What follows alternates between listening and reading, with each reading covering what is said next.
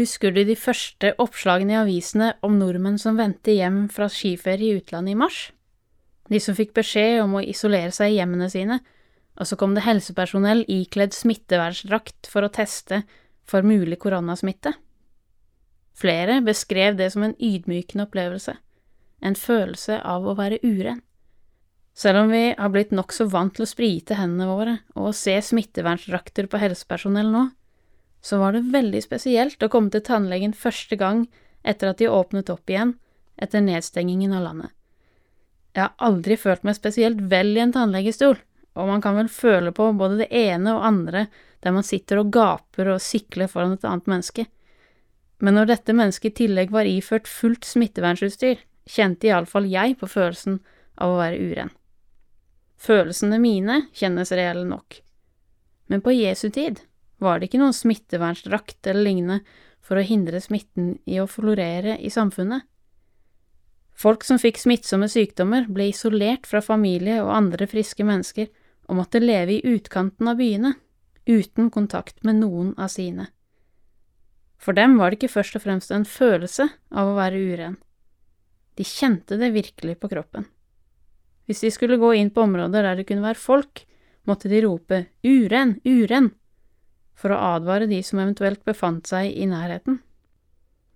Det var ikke bare smittsomme sykdommer som gjorde et menneske urent. Det kunne for eksempel være at man hadde kommet i kontakt med noe som var dødt, eller med blod. Urenheten ble sett på som smittsom, så om en som var uren, kom i kontakt med en som var ren, ble også den rene uren.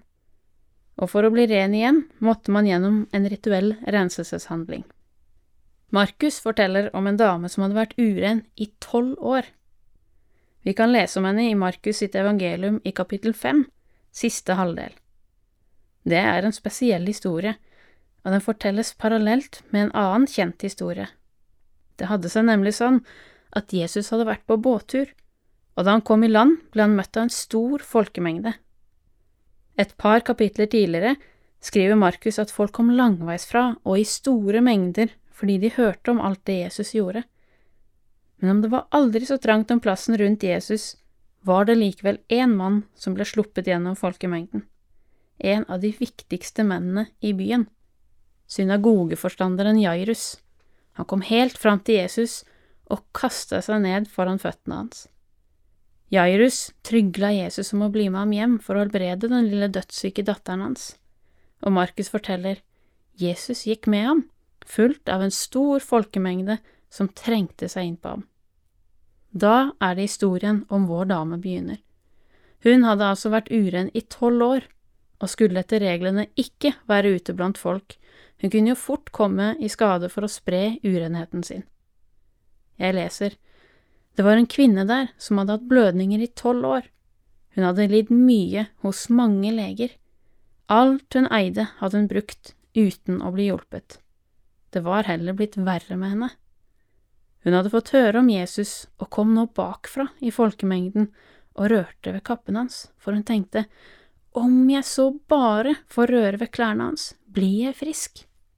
Med en gang stanset blødningen, og hun kjente på kroppen at hun var blitt helbredet for plagen. I det samme merket Jesus at en kraft gikk ut fra ham, og han snudde seg i folkemengden og sa, Hvem rørte ved klærne mine? Disiplene sa, Du ser hvordan folk trenger seg innpå deg, og så spør du hvem som rørte ved deg. Men Jesus så seg omkring for å få øye på den som hadde gjort det. Kvinnen skalv av redsel, for hun visste hva som hadde skjedd med henne, og hun kom og kastet seg ned for ham og fortalte ham alt som det var. Da sa han til henne, Din tro har frelst deg, datter. Gå bort i fred du skal være frisk og kvitt plagen din. Jesus blir forsinka på veien til å helbrede den umistelige datteren til en av byens viktigste menn. Avbrutt av at en uren kvinne berører kappa hans. En uskyldig handling, tenker du kanskje, men etter reglene var Jesus blitt uren, og skulle ha gjennomgått en renselsesprosess før han gjorde noe som helst annet. I stedet er det Jesu renhet som smitter over på dama, og hun blir øyeblikkelig frisk for det som har plaget henne i så mange år. Hun hadde ikke tenkt å gjøre seg sjøl synlig for verken folkemengden eller Jesus. Kanskje litt sånn som Sakkeus i treet, men Jesus ville det annerledes. Til tross for den store folkemengden som trengte seg inn på ham, stoppet han opp og lette etter henne som var blitt frisk ved en forsiktig berøring av kappen hans. Det er ikke godt å vite hva dama tenkte i det øyeblikket, om hun hadde lagt noen plan utover det å komme i kontakt med Jesus. Hun skalv av redsel da hun innså at hun ikke kom fra det som en anonym. Overraskende nok ble hun ikke skjelt ut, og Jesus så heller ikke på henne som om hun hadde røvet til seg noe som ikke var hennes. Han kalte henne for datter. Jeg lurer på om Jairus fikk med seg det. Mens Jesus snakka med dama som var blitt frisk, kom det folk fra Jairus sitt hus og fortalte at datteren hans var død. Men Jesus trøstet Jairus, ikke vær redd, Jairus. Den dagen fikk Jairus tilbake datteren sin etter først å ha mistet henne, og jeg lurer på om han i ettertid fikk et nytt syn på menneskene rundt seg. Jesus hadde kalt en vilt fremmed, uren dame for datter. Var det bare en talemåte?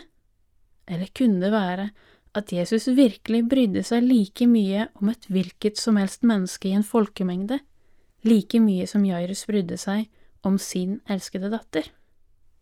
Herren velsigne deg og bevare deg. Herren la sitt ansikt lyse over deg og være deg nådig. Herren løfte sitt åsyn på deg og gi deg fred. Du har lyttet til Over en åpen bibel fra Norea Mediemisjon. Andaktsholder denne uka er Sonja Leirvik. Forbundstelefonen vår er åpen hver fredag mellom klokka 9 og klokka 11. Ring inn ditt bønnebegjær på telefonnummer 38 14 50 20. 38 14 50 20.